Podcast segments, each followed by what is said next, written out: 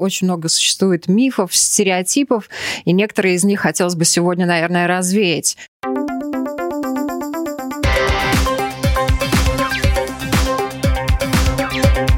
Поколение Z. Всем здравствуйте, с вами Марина Талапина, режиссер программы Даниэль Йоффе. Спасибо огромное, что подписываетесь на нас, слушайте наши подкасты на всех платформах, включая Google, Spotify, Apple Podcasts и, конечно, то, что кликаете нас и на Фейсбуке, и в Инстаграме, и находите на Ютубе, и, конечно, на нашем родном сайте lr4.lv. Э, также э, вы нас смотрите и слушаете. И еще раз за это вам спасибо огромное. Тема сегодняшней программы, э, которую предложили нам ребята, очень неоднозначная. Мы хотим поговорить на нее честно и корректно, потому что она освещается и обсуждается не только на территории Латвии, но и также за рубежом. А, это тема э, как себя чувствуют русскоязычные жители Латвии. Ну и э, наша программа сегодня называется, я думаю, на русском и говорю на латышском языке. И э, у нас сегодня участвует Екатерина Пестолова. Катя, привет. Здравствуйте. Вероника Тубеле. Здравствуйте. Егор Парыгин. Э, здравствуйте. Екатерина Сараева. Здравствуйте. И я вам по секрету расскажу, что объединяет всех этих ребят то, что они перешли в свое время из русских школ в латышские, то есть окунулись непосредственно в латышскую среду, несмотря на то, что не перестали думать на русском языке. Ребят, я хотела бы сначала э, вас попросить рассказать о себе нашим слушателям, зрителям. Э, кто вы, где вы, что вы, чем занимаетесь, э, где учитесь. Давайте начнем с Вероники. А, добрый день, меня зовут Вероника, и сейчас я учусь на Талайзраузене Сведу School. Я перешла туда после девятого класса, как раз таки сдала экзамены и поняла, что, скорее всего, так как в 11 классе мы сдаем экзамен на русском языке, мне в любом случае надо улучшать свой уровень латышского, чтобы я себя чувствовала, как, можно сказать, рыба в воде. А, и поэтому я перешла в латышскую школу. Также, мне показалось, уровень а, вообще самого обучения в латышских школах выше – и да, в первое время мне было очень-очень волнительно, но потом как я влилась и поняла, что, в принципе, я не пожалела. И помимо школы, я, мне тоже сказать, чем я занимаюсь, это больше меня? Хорошо, помимо школы я уже 7 лет увлекаюсь бразильским боевым искусством, и сейчас специально работаю тренером. Мне это приносит безумную радость, так как каждый раз, когда дети приходят на тренировки, не горят глаза, я могу их научить тому, чему я уже э, много, на протяжении многих лет, чему я учусь, и это безумно классно делиться опытом. Спасибо большое. Бразильское боевое искусство – это КПР? Да. Ага, ясно. Среди нас есть бойцы. Так. Егор, рассказывай, что тебя а. побудило перейти в латышскую школу, и когда ты это сделал? Чем ты сейчас Ой. занимаешься? Так, э, в латышскую школу я в ней учился изначально. А, до девятого класса у нас был э, русский поток, в котором я, собственно, и учился. И в средней школе перешел уже в латышский поток. А, учился я в Вилянской средней школе, это в Латгалии. Сейчас я студент э, Латвийского университета, первый курс русской филологии. А, а что тебя победило поменять потоки? А, не собрался под русский поток в среднюю школу, поэтому пришлось идти в латышский. Ну, то есть это было вынуждено? Ну, можно и так сказать, да. Ты дитя обстоятельств, хорошо. Переходим к Екатеринам. Давайте начнем. Катя Сараева. Так, э, я сейчас учусь в одиннадцатом. После девятого я из русской школы перешла, поступила и перешла в первую латвийскую гимназию, рижскую. Э, Вначале я туда вообще не планировала поступать. Я, готов... я ходила на подготовительные курсы, которые мне родители как бы сказали на них пойти в качестве подготовки просто к государственным к экзаменам, потом э, сходить на вступительный, тоже как бы в качестве тренировки. В итоге я поступила, раз поступила, почему бы не сходить, попробовать поучиться. Вот. Э, сначала было очень страшно, очень не нравилось, но также тянуло просто в предыдущую школу, а потом так понравилось, что потом я сказала своим родителям спасибо, что они не выпустили меня обратно. А, из увлечений я, страшно представить, пять лет назад уже закончила музыкальную школу по классу Кокла. Вот, участвовала в нескольких праздниках песни, также уже довольно долго, долгое время занимаюсь танцами. Ну, первая гимназия – это круто. Респект. Ну и Екатерина Пестолова. Всем здравствуйте.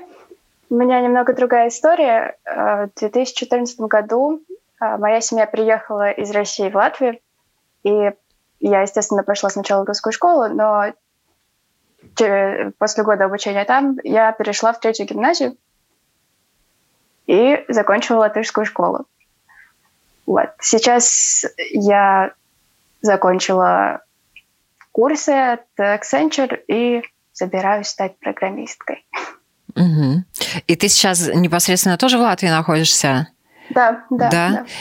Ты спустя э, лишь год после проживания в Латвии э, не побоялась перейти в латышскую школу. То есть за год ты успела выучить латышский язык на таком уровне, что позволило тебе туда поступить. Правильно мы понимаем? Ну, не на таком хорошем уровне, но у меня была очень сильная поддержка со стороны моего репетитора. И плюс я осталась как бы на второй год для того, чтобы выучить латышский, потому что я изначально в России пошла в школу 6 лет, то есть по возрасту я со всеми совпадала. И я переходила после восьмого класса русской школы. То есть у меня был, были бы экзамены в девятом классе, и мы с родителями приняли такое решение, что это было бы менее волнительно, если бы я осталась на второй год. Ребят, вот э, как вы себя э, чувствовали до э, того, как перешли, и уже после того, как перешли? Катя Сараева уже немножко рассказала, да, но хочется, чтобы больше раскрыли эту тему, потому что, согласитесь, э, это все-таки вот у нас э, разделенное искусственно, не искусственно наше общество на русскоязычных и э, латышскоговорящих, да, и вот очень много существует мифов, стереотипов, и некоторые из них хотелось бы сегодня, наверное, развеять. Вот вы учились до этого в русском потоке, в русских школах, что думали ваши сверстники и как себе представляли латышскую среду общения и латышские школы, и что вы открыли для себя, когда вы туда перешли? Давай, Вероника. На самом деле, мне кажется, что многие из моих одноклассников, которые, ну, когда я училась еще в русской школе, считали, что если, грубо говоря, я перейду, например, в латвийскую школу, что меня начнут булить, начнется буллинг, что, например, почему ты не можешь до конца выразить свою мысль на латышском языке. И, честно говоря, я именно этого боялась, так как для меня коммуникация — это очень-очень важно. И, но когда я перешла, я поняла, что на самом деле это не так. Я нашла верных подруг, которые меня поддерживают. И самое интересное заключалось в том, что я даже нашла подружку, которая билингвально в семье говорит и на латышском, и на русском. Поэтому получалось так, что если я вдруг случайно забыла какое-нибудь слово на латышском, я в любом случае могла бы сказать на русском, и она меня поддержит, что переведет. То есть, на самом деле, э, мне кажется, я не знаю, может мне так повезло, в моем классе не было такого, что на меня начали наезжать, почему ты там, не знаю, говоришь с акцентом, или почему ты неправильно выражаешь мысль, мысли. На самом деле все было, наоборот, хорошо, но, конечно, первое время я немножко чувствовала себя неуверенной, потому что очень многие, не знаю почему, но латыши очень любят именно по группам общаться. То есть у них нет такого, что, например, один из группы может подойти к другому, спросить, как дела, что делаешь. У них больше такое, как каждый сам за себя. И это меня немножко смутило, потому что до этого, наоборот, я могла к любому из своих одноклассников подойти и спросить, как дела, что делаешь, на любую, ну, на любую тему пообщаться, а у них такого нет. То есть, например, Честно говоря, я уже учусь э, в школе с полтора года. Я даже не знаю, чем увлекаются некоторые мои, из моих одноклассников. И для меня это безумно странно, но я не знаю, у нас нет такого, что, например, ты подойдешь, спросишь, как дела, или чем ты увлекаешься, или что делаешь в свободное время, и начнется какой-то разговор. То есть я, например, не могу представить, о чем я с ним могу поговорить. Может быть, это, конечно, у меня какие-то там в голове тараканчики, я не знаю, как завязать разговор, но, может быть, это все-таки зависит тоже от менталитета немножко что так. Вот интересно, как у Егора, учитывая, что он учился в одной школе, наверняка общался с ребятами из латышского потока еще до того, как туда перешел. Правда? А, да, именно так и было, э, так как у нас э, одна школа как для русских, так и для латышских ребят, то мы все довольно дружные, общаемся между собой как и как в школе общались, так и за пределами. Поэтому не было такого тяжелого перехода из русского класса в латышский в плане коммуникаций, потому что все друг друга так и так э, знают, если не лично, то наслышаны друг о друге. Поэтому коммуникацию было довольно легко выстроить э, с новыми одноклассниками. И можно было общаться как и на русском, так и на латышском. Старались понимать друг друга как могли. Катя, как у вас дела? Обстояли, когда вы перешли? Что, что вы думали? Вот э, Катя Сараева, ты сказала, что э, боялась туда переходить, да? У тебя было очень много предубеждений, видимо, до того, как ты попала в первую гимназию. И что ты думала до того, и как э, твои предубеждения, эти мифы, наверное, с которыми ты тоже пришла, развеялись? Э, ну, не то, что у меня были предубеждения. Я до этого сталкивалась с латышскими учениками. Я училась в музыкальной школе, которая как бы латышская, поэтому как бы с латышской говорящей молодежью я уже сталкивалась. Эм, ну, дело было скорее не в том, боязни конкретно каких-то людей латышских, просто как бы э, входить э, ну, вот, полностью латышское общество, ну, как бы, при том, что у меня не самый лучший латышский, это было немного страшно. Также тянуло прошлую школу, но так как я переходила с подругой из предыдущей школы, мне не было такого, что мне надо было искать кого-то, как бы, сопарничество, чтобы как-то общаться на постоянной основе. Немножко это мешало, потому что некоторые ребята русские, которые переходят в латышские школы, которых я знаю, они как бы находят себе латышского друга, за него хватаются, общаются на латышском, и за счет этого очень сильно подтягивают латышский язык. Но, несмотря на то, что у меня уже была подруга, я ну, наладила контакты с другими вот, латышскими одноклассниками. Они... Ну, то есть, да, у нас в целом класс разделен на группы, но, по-моему, ну, это происходит в любой школе и классе. Э, но при этом никому ничто не мешает как бы перемешаться этими компаниями спокойно латыши, там, какие-то мои одноклассницы могут ко мне подойти, там, спросить просто, как дела, или там сделать чему-то комплименты, и как-то завяжется разговор. Так что довольно приятное ощущение от в целом окружения в школе. Но ты упомянула о том, что ты очень благодарна родителям, да, и за что ты благодарна родителям? Что ты получаешь, что ты получила в первой гимназии? Ну, так как первая гимназия в целом как бы стоит как в рейтинге лучшей школы, это не просто так. У нас очень хорошие учителя. Мне безумно нравится, допустим, наша ученица по английскому. Я нежно ее люблю. Вот. Но также я все еще поддерживаю как бы, отношения с людьми из прошлой школы и не представляю, как бы я училась там сейчас. Там.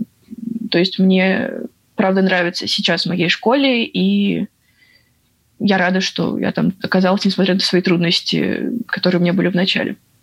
Кать Пестова, как у тебя? Ну, вообще, первые пару лет после переезда они были как в тумане. Я особо помню свои ощущения. Наверняка я очень сильно волновалась. Вот. Но мне очень повезло с одноклассниками и с учителями, с моей классной руководительницей. Мне давали кучу поплажек, я считаю, что это вообще как ну, у меня была как бы привилегия. Я могла сказать, что я иммигрантка, поэтому я говорю с акцентом, э, неправильно ставлю окончание. Там, мне нужно больше времени, чтобы составить предложение. Вот. Но сами учителя, допустим, разрешали мне пользоваться словарем на контрольных. Э, я могла дописывать какую-нибудь работу после уроков, просто потому что я не могу ну, во время урока как бы прочитать текст, понять его и проанализировать, ну, как бы, и написать какое-нибудь сочинение. Но и также у меня появилась там подружка, которая просто вот как мама взяла меня под свое крыло и помогала мне абсолютно во всем. Ну и плюс я ходила там на всякие дополнительные факультативы, где общалась с ребятами на хор, немецкий. И... В общем, я полностью погрузилась, и у меня не было выбора. Как бы. Вы продолжаете общаться с ребятами из своих э, предыдущих школ, из других э, потоков? Как они вообще, ну, не завидуют ли они вам, что они с вами вместе не перешли? А, я на ежедневной основе общаюсь с ребятами из прошлой школы, поддерживаю связь, потому что мы стали с ребятами реально интересно общаться. Но я думаю, что они, наверное, все-таки не завидуют, потому что не все, мне кажется, могут выйти из зоны комфорта и перебороть страх, перейти в новую школу.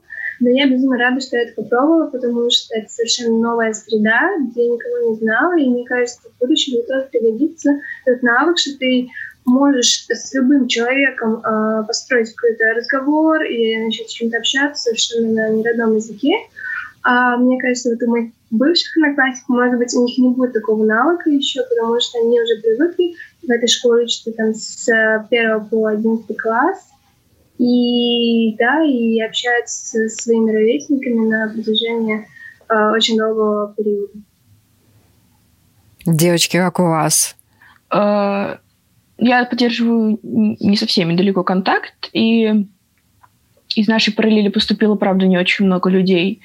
Э, но, по-моему, они не сильно страдают, потому что понятно, что самая сильная школа, допустим, в Латвии явно не просто так, и как бы надо работать. Ну, то есть нелегко никому, поэтому все просто друг друга поддерживают, особо никому не завидуют. Не, я про зависть, конечно, немножечко так провокационно задала вопрос, но вот э, нет сожаления, что они действительно что-то упускают, э, да? У вас сейчас, получается, есть опыт действительно общения и э, э в русскоязычной среде, и э, в, в той среде, в которой вы сейчас развиваетесь и учитесь, да? А у них такого опыта нет. Э, ну, это действительно расширяет ваш кругозор, ваши возможности, усиливает, прокачивает определенные навыки, да, там, он, как Катя сказала, что у нее она вообще там привилегированная особа, да. То есть, в принципе, ущемлений вообще никаких нет. Тут, наверное, идет разговор даже больше о плюсах, да, и больше жалуется на дискомфорт какое-то старшее поколение. С вашим поколением все в порядке? Это так? Или есть какие-то острые углы? Нет, ну, безусловно, сложно просто выдернуться из своего как бы, зоны комфорта, опять же, и перейти в какое-то совершенно незнакомое место, где говорят еще не на твоем языке родном, но в целом достаточно время уже, времени уже проведено как бы в этом латышском кругу, ну, как бы, живя в Латвии, ты так или иначе имеешь какой-то уровень латышского, и ну, то есть, да, мне кажется, что это важный опыт в целом переход из одной школы в другую, даже если это из русской в русскую, все равно это тебя сильно закаляет, и, правда, я бы советовала всем иметь такой опыт. Ну, то есть кто-то без него обойдется, кто-то спокойно открыт каким-то изменениям. Но я рассматриваю этот опыт, опыт как положительный, да. Егор, Катя, есть еще что добавить? Или идем дальше? Ну, я бы сказала, что мои бывшие одноклассники из русской школы в Латвии, они перешли либо в первую гимназию, либо во вторую гимназию, либо еще в другие латышские школы, ну, либо в третью тоже э, ко мне. И, ну, у них наверняка тоже были проблемы с, с как бы акклиматизацией, но не, но я все не слышала, чтобы это было Да, но я знаю, что в первой гимназии очень много ребят из русских школ э, туда переходят поэтому им, в принципе, не, не, так, не так сложно. Ну вот Вероника сказала, э, Вероника сказала, мне интересно, вы подтвердите тоже, я не говорю, конечно, про первую гимназию, но вот это э, не стереотип, э, что в латышских школах уровень образования, который дают ученикам, выше, нежели чем в русских школах на сегодняшний день в Латвии. Ну, я все-таки могу сказать, мне кажется, что это может быть связано не с конкретной школой, а с учителями, что в целом как-то сейчас стараются, наверное, больше именно не воспитывать, боже мой, обучать именно латышскоязычных учителей, за счет чего они как бы более современные, более как бы готовые учить, поэтому латышские учителя латышских школах могут быть просто как бы лучше э, русских. Именно из-за этого получается, что образование латышских лучше. Еще какие мысли? Вероник, почему? Ну, наверное, один из факторов в том, что, мне кажется, даже уже в латышах заложено, что у них все очень строго, четко и по порядку. И они как-то, не знаю, когда они рассказывают какую-то информацию, они рассказывают ее понятно, и что каждый ребенок, каждый ученик может без проблем понять и достаточно высоком уровне. А вот, например, сейчас в русских же школах тоже такой как закон, что они должны пробовать говорить на латышском языке, и понятно, что них, ну, они допускают ошибки в своей речи, и поэтому, может быть, тоже не все ученики могут уловить эту главную мысль. Так как учителя пробуют, конечно, говорить на латышском языке, но не всегда можно все, все, все сказать, что ты в голове держишь на русском языке, именно правильно на латышском языке. А вот ты сейчас задела очень важный момент. Действительно, общаться э, русскоговорящим на латышском языке, людям, которые думают на русском, э, говорить э, намеренно на другом языке, это усложняет процесс передачи информации. Вы согласны с этим? Или э, все-таки в русских школах чего-то, э, что-то другое мешает повысить уровень передачи знаний от учителей э, ученикам. Я не думаю, что учителя в русских школах э, хуже знают свои предметы. Просто вот этот момент, когда им, русскоговорящим, русскодумающим, надо передавать информацию русскоговорящим, русскодумающим ребятам, он усложняется тем, что они переводят все на латышский, потом получают информацию назад на латышском. Ну, мыслительный процесс идет с задержкой. Кать. Ну, безус, безусловно, да. что ну, вот у меня сейчас сестра осталась в русской школе, в которой я училась до этого, и ну, у них учителя тоже как бы говорят на латышском.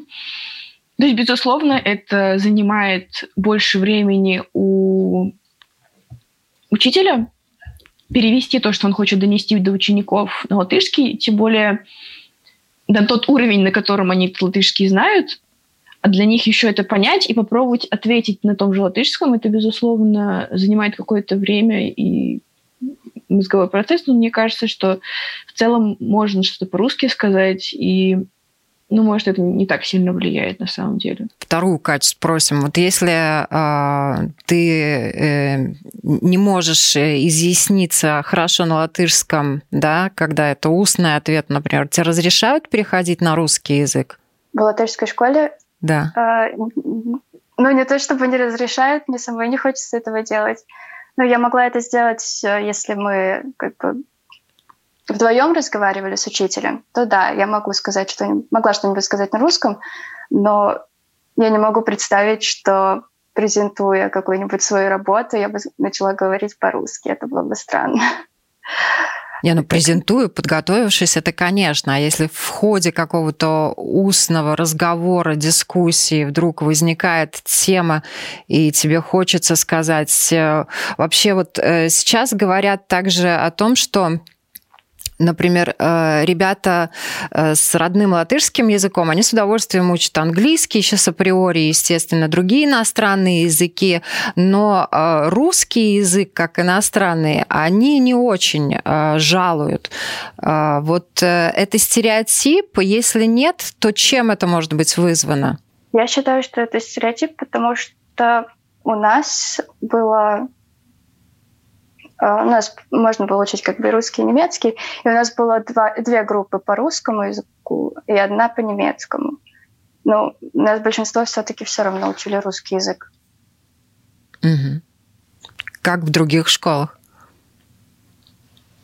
Я тоже согласна, что это стереотип, потому что у меня тоже в школе, как уже Катя сказала, у нас есть на выборе русский учитель немецкий. Большая часть идут именно, идут именно на русский язык. И я тоже поинтересовалась, почему мне выбрал русский, а не немецкий. Они говорят, что первоклассные, так как у нас есть и русскоговорящие, и латышскоговорящие. И иногда даже, например, чтобы на, ну, на какую-то высшую квалификацию, войти на какую-то хорошую работу, нужно знать минимум русский, латышский и английский. Также, если ты знаешь русский язык достаточно хорошем уровне, это огромный плюс, так как э, многие, к сожалению, не знают на хорошем уровне латышский язык, и приходится как-то разъяснять э, какой-то вопрос объяснять именно на русском языке. Егор, как у вас в потоке? Как в школе было? В школе было так, что был русский язык как иностранный, даже в латышских потоках. И люди, ученики спокойно учились и принимали это, были очень довольны тем, что учили русский язык, поэтому, потому что это помогало коммуницировать э, с русскоговорящими ребятами, которых у нас было очень много. А в университете сейчас у меня практически все предметы на русском языке проходят. В университете, в Латвийском университете? Да. Какая у тебя специальность? Э, русский филолог. А, ну, извините. Да, это логично, что они на русском языке. У тебя русская литература и русский язык. Все-таки. Катя, а вот а, у тебя как?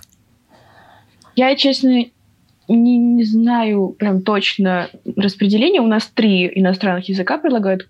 Это русский, немецкий, французский. По-моему, примерно типа ну, треть туда, треть туда и треть туда. Мне не кажется, что русские как-то избегают или что-то в этом роде.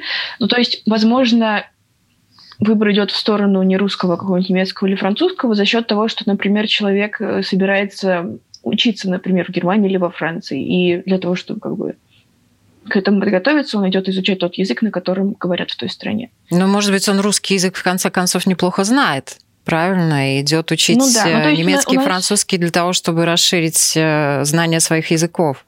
Ну, то есть так же вот как мы, там живет, живем в Латвии, и тут в целом говорят на латышском, мы как бы его немножко впитываем. Также, по-моему, достаточно много русского окружения, и даже латыши.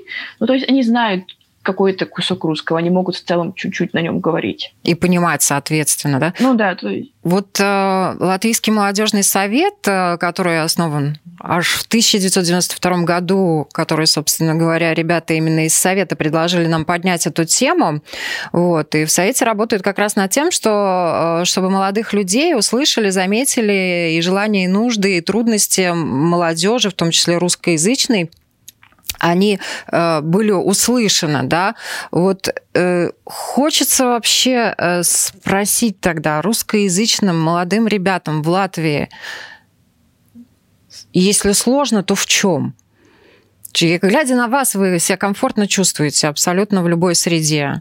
Вам здесь хорошо, правда? Несмотря на то, что вы там учитесь в латышской школе, не в латышской.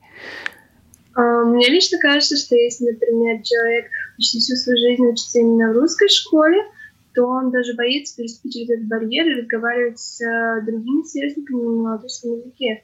Но я уже посмотрела, я заметила, что очень много именно разных мероприятий и проводится именно на латышском языке. И многие даже боятся даже записаться, потому что думают, что не смогут выразить свою мысль на латышском языке. И мне кажется, может быть, в этом заключается проблема, что именно у русскоговорящих, те, кто живут именно в Латвии, у них не столько возможностей, как у ребят, которые понимают и могут говорить и излагать свою мысль на латышском языке. Вопрос, а почему это не стимулирует русскоязычных ребят э, лучше осваивать латышский и погружаться, вот как вы, переходить в другую среду, пробовать себя в другой среде реализовать? Для этого ну... нужно выходить из зоны комфорта и что-то делать. А это не всем нравится. Егор, ты хотел э, сказать? Э, да, да. Ну, в первую очередь, как у меня было, мне было просто страшно разговаривать на латышском языке, когда я вот только перешел в, в среднюю школу. Был очень довольно, довольно большой языковой барьер. И я говорил неправильно, мне было от этого еще, еще, еще более страшно, неприятно но это только побуждает э, преодолевать этот языковой барьер и учиться, становиться лучше. Ну и в первую очередь нужна еще и поддержка от сверстников и от близких.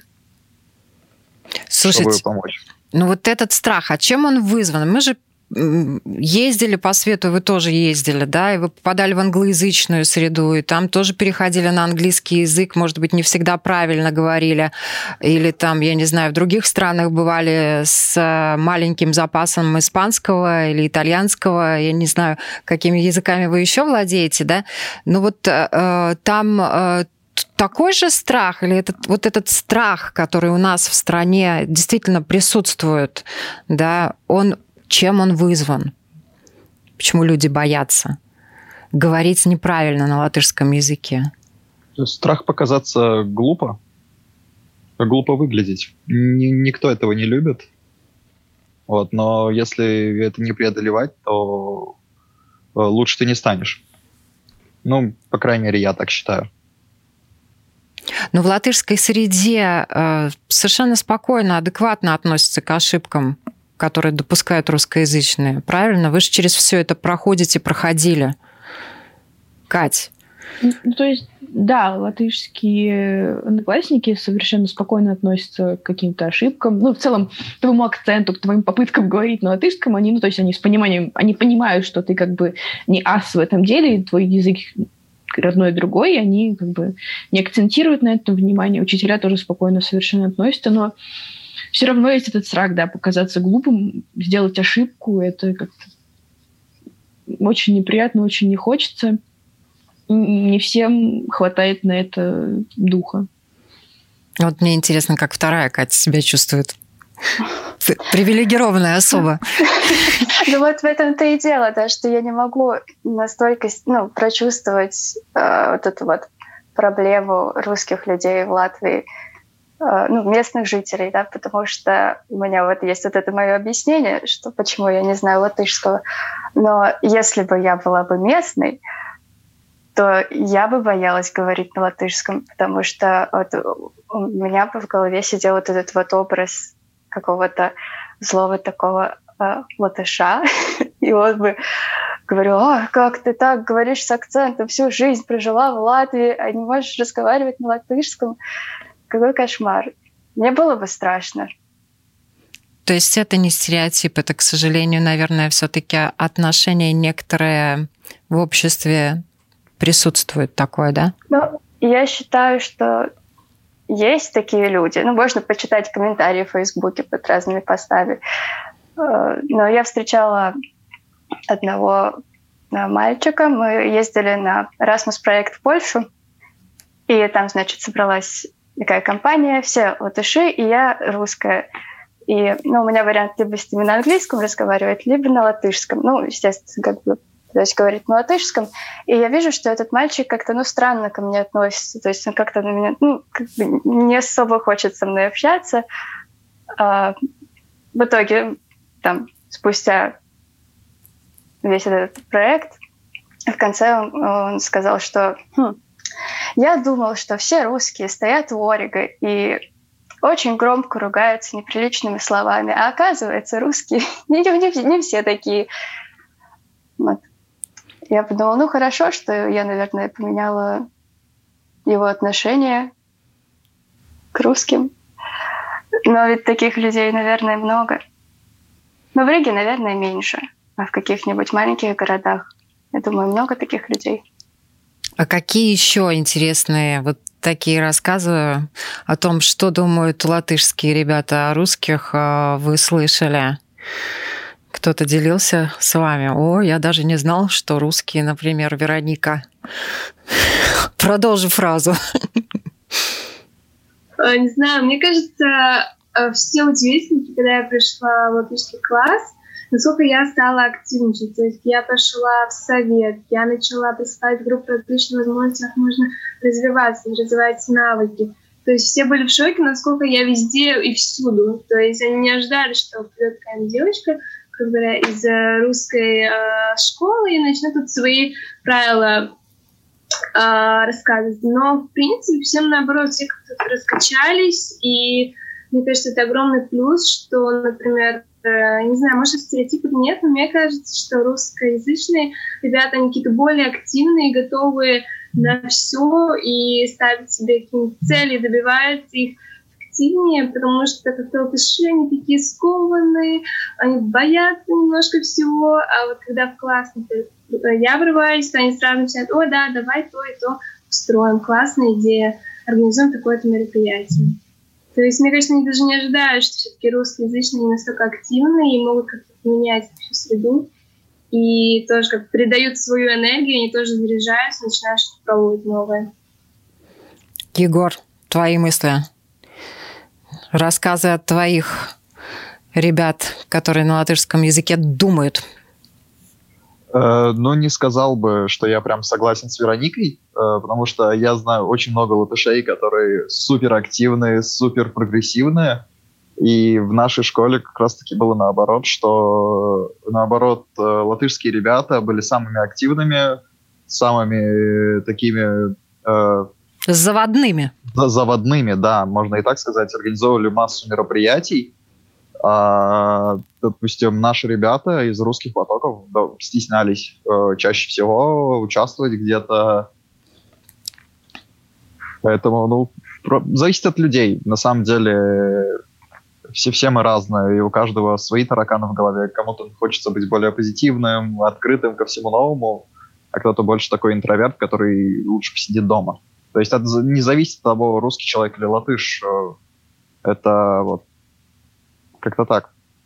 Но конфликтные ситуации у вас э, или перед вами, или рядом с вами когда-то происходили, именно которые на почве национальных вопросов возникали? На почве национальных вопросов никогда не было конфликтов, которые я бы видел или слышал. Ну, по крайней мере, у нас никаких таких не было. По-моему, мы сегодня очень хорошо развиваем все мифы по поводу русскоязычных в Латвии по поводу отношений между людьми, по крайней мере, молодыми. А вот, а почему, на ваш взгляд, эти стереотипы вообще все существуют, муссируются, в том числе и в нашей стране? За рубежом иногда очень даже интересно, как СМИ зарубежные освещают это так э, забавно даже наблюдать. Я очень часто слышу от своих коллег, журналистов, что они э, думали, что нас действительно русскоязычных прям ущемляют. Вот. Оказывается, у вас не так. Оказывается, у вас в магазинах на русском языке разговаривают, и так комфортно, и обслужить могут, и все улыбаются. Да-да-да, мои родственники из России, когда я к ним прилетаю, все время рассказывают, как в новостях, э, жалуются на то, что русских угнетают в Латвии, и они так за меня переживают. Я считаю, что эти стереотипы существуют, потому что иногда они, к сожалению, подкрепляются. И когда они подкрепляются, то это становится какое-то ну, большое событие. И, ну, и они до сих пор существуют, ну, к сожалению. А вы э, Планируете связать свое будущее с Латвией? Или собираетесь уезжать и учиться где-то за границей, и там потом пытаться реализовать себя? Я бы, наверное, хотела бы бакалавр получить именно в Латвии, но я бы хотела учиться на английском языке. У нас в центре есть э, Стокгольмский университет, куда можно поступить, и главное просто сдать хороший экзамен по английской математике. И да, и я не знаю, я, мне почему-то внутри хочется научиться на английском языке, потому что это мне нравится интернациональность, когда я могу общаться с э, ребятами из разных стран, и мне кажется, это безумно интересный опыт. Егор. А, я пока не строил особо больших планов, э, стараюсь жить вот сегодняшним днем. Э, но пока учусь, пока учусь. Э, дальше посмотрим. А русский и русскую филологию ты выбрал почему? Потому что мне это близко, и обучение на русском языке, то есть так звезды совпали, что захотелось очень сильно выбрать. Я еще несколько лет думал, на самом деле, идти поступать, э, потяну я или не потяну, и сейчас вообще не жалею. А вот интересно, на русской филологии есть ребята латыши, которые учатся, или только русский? Да, есть. Есть у нас э, несколько ребят латышей, которые учатся на русской филологии. Но им довольно тяжело получается, но мы стараемся помогать всем, чтобы э, они себя более комфортно чувствовали. Молодцы. Екатерина. Ну, я, я скажу сначала я. Давай. А, я пока не знаю, ну, опять же, сейчас сложно что-то планировать про заграницу или где-либо еще. Ну, наверное, хотелось бы попробовать поучиться где-нибудь еще. Не потому, что мне не нравится Латвия, а потому что, как сказала Вероника, это, правда, очень интересный опыт пожить в какой-то другой стране с какой-то совершенно другой культурой, языком. В целом, ну, правда, очень сильно влияет место, в котором ты живешь, и это просто интересно, как как опыт, как просто узнать мир. Вот. Но, опять же, рассматриваю Латвию как вариант обучения тоже. Катя. Я согласна с другой Катей о том, что это было бы очень интересно попробовать. И плюс ко всему у меня нет латвийского гражданства, у меня здесь постоянный вид на жительство, а с ним, к сожалению, я не, мог, не имею права поступать на бюджет. Поэтому пока что латвийские университеты для меня закрыты. Но относительно. Они открыты для ну, себя за деньги. Да, и это очень забавно, потому что моя подруга с латвийским э, постоянным видом на жительство может учиться в Нидерландах с такими же правами, как граждане Нидерландов. Вообще, очень странная ситуация. Но это тема другой передачи. Это тема другой. да. В завершении нашей беседы я хочу спросить вас э, вот отношение к Латвии. Э, именно страна, люди. Наверное, слово «любите», оно не совсем правильно. Вот хочется спросить, вот если э, вы любите нашу страну, то за что, почему? Uh, как бы это странно звучало, но мне очень нравится произношение латвийского языка, как один из uh, причин, почему я люблю, одна из причин, почему я люблю Латвию, но в то же самое время мне кажется, что в Латвии она маленькая, но в то же время там безумно все развито. Ну, конечно, конечно, индустрия не развита, но, например, возможности именно для молодежи у нас, например, есть в Латвии такое, как а, молодежная организация Young Folks, которая включает в себя возможность э, участвовать в Erasmus+, плюс, реализовывать какие-то свои идеи, то есть я еще не слышала, что в какой-нибудь, например, той же, там, не знаю, Германии или Испании была бы точно такая же организация, то есть мне кажется, что в Латвии много перспектив для того, чтобы молодой человек мог развиваться в любом направлении. Что ему нравится, то он может реализовать, например, написать свой проект. Например, потому что в прошлом году я написала свой проект. Я не знаю, может быть, в других странах тоже есть такая возможность, но мне кажется, классно, что именно в Латвии есть э, возможность, э, получается, э, развиваться в любом направлении. Катя Сараева. Ох, ну, во-первых, я тоже не из Латвии изначально. Я переехала около трех лет сюда, из России. И новость о отсутствии бесплатного образования в университетах для меня является удивительной. Вот. Э, но при этом я считаю, что я как бы выросла в Латвии. Не то, что моя родина, но я как бы отсюда. Я люблю Латвию, потому что она компактная, но при этом тут как бы есть все. То есть тут очень красиво. Я очень безумно люблю архитектуру Риги. Мне очень-очень красиво. И то есть тут есть как бы и какие-то центры с какими-то современными там кафе, какими-то развлекательными местами.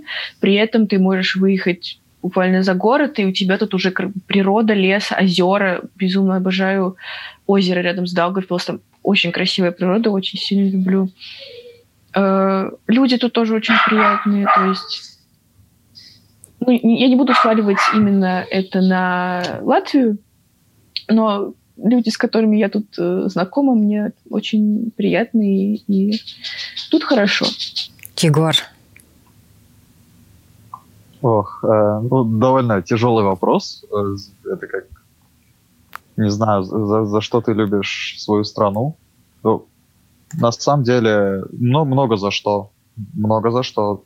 По крайней мере, вот природа очень красивая, э, такая, такая необычная, можно сказать, природа. У нас есть времена года, как и, и лето, и зима, мы можем убедиться вот прямо сейчас за окном.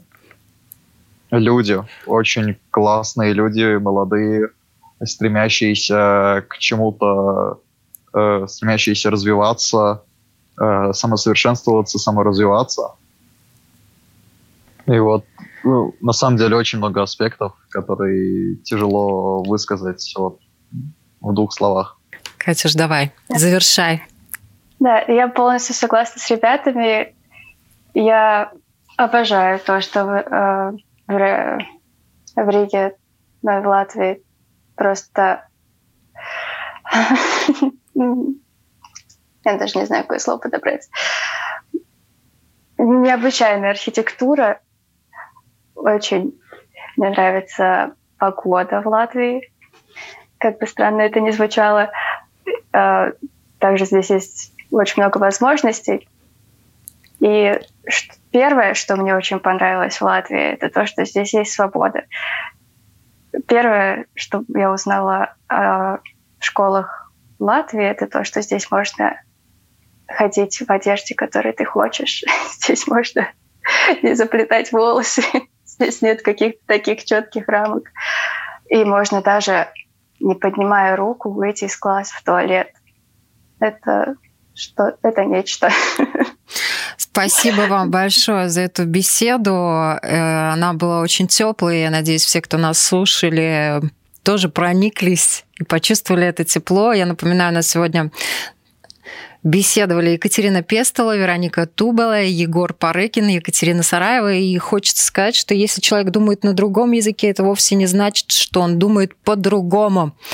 Подписывайтесь на нас, слушайте наши подкасты на всех платформах, включая Spotify, Google и Apple. И, конечно, заходите на наш сайт www.lr4.lv и смотрите нас на YouTube. Всем хорошего дня!